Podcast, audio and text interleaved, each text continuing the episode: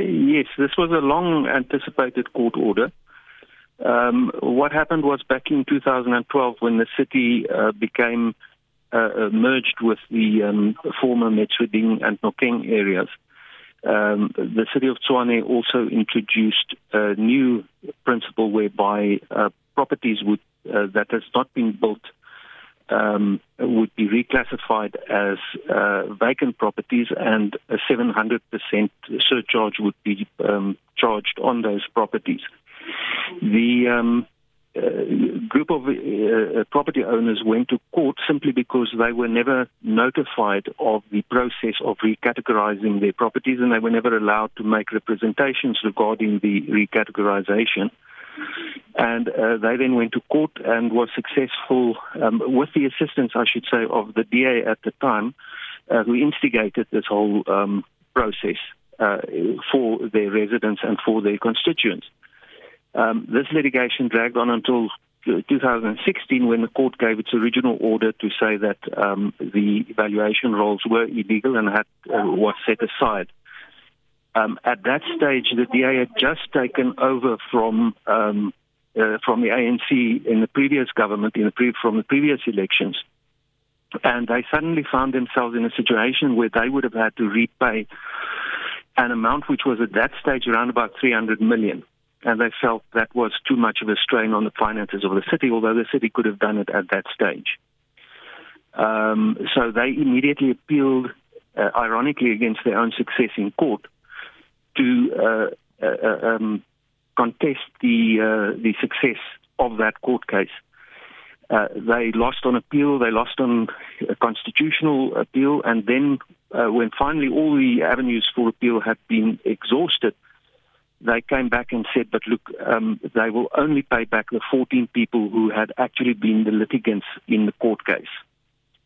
Uh, and this prompted the other residents then to bring a, a, a not a class action, but a, an action through We Can Win to, for a declaratory order that this applies to everyone. And that is the order which was given last week that it applies to everyone who has been incorrectly charged, and that amount has now grown to over 2 billion rand, and the city just simply doesn't have the money to do that, to pay that.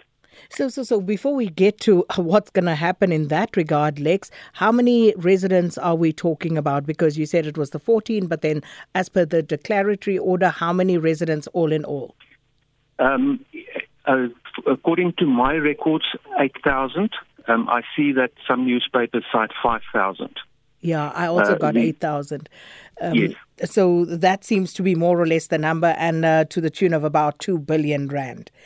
Yes. So now to the point where the city uh, doesn't seem to have that sort of money because uh, we've been reporting on their financial woes for a while now. So what does that mean for the litigants? Um, well, first of all, you can't pay money that you don't have. So there's there's no ways that they are going to be uh, uh, given money today or tomorrow uh, to repay that. Um, the best the city can at this stage do is to credit their accounts um, and to wait for any one of them to take individual action for recovery of their um, accounts. The court has basically ordered that all accounts must be rectified and that the municipality must take the initiative to rectify all the accounts uh, uh, summarily from now on forward. So the best the city can do, as I say, is to, is to correct the accounts, uh, leave everyone with a healthy credit, and then see what action individual um, residents take but it will make a huge impact on the city's financial and financials and on the, the financial viability of the city going forward.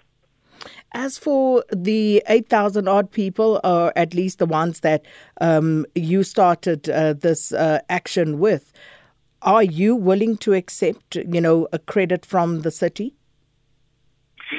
Um, the problem is the city can't pay that eventually. And if you look at the credits, uh, it's going to take years and years of billing, um, to uh, correct billing, before you're going to get to a point where your money has been repaid to you.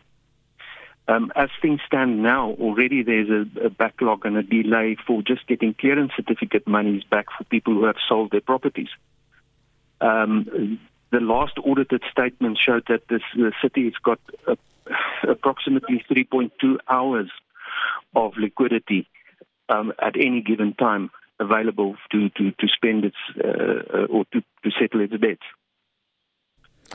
So uh, I take it then, uh, uh, or let me ask the question, Lex, uh, where to now for you?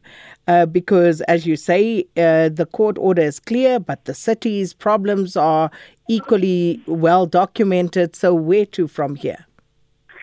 Um, at this stage, yes, that is it's a very difficult question because there is no money and there is a debt that's got to be repaid.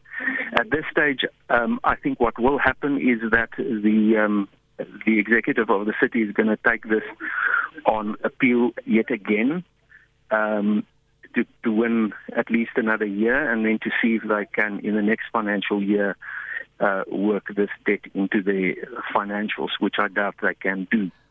Um, but it is a conundrum, and I, I, don't have the answer to that question at that stage, so I, I, can't give a clear answer to you on it. Lex, please keep us up to date on this. Uh, but thank you so much for speaking to us. Uh, Lex Middelburg is a founder and representative of Republican Conference of Tshwane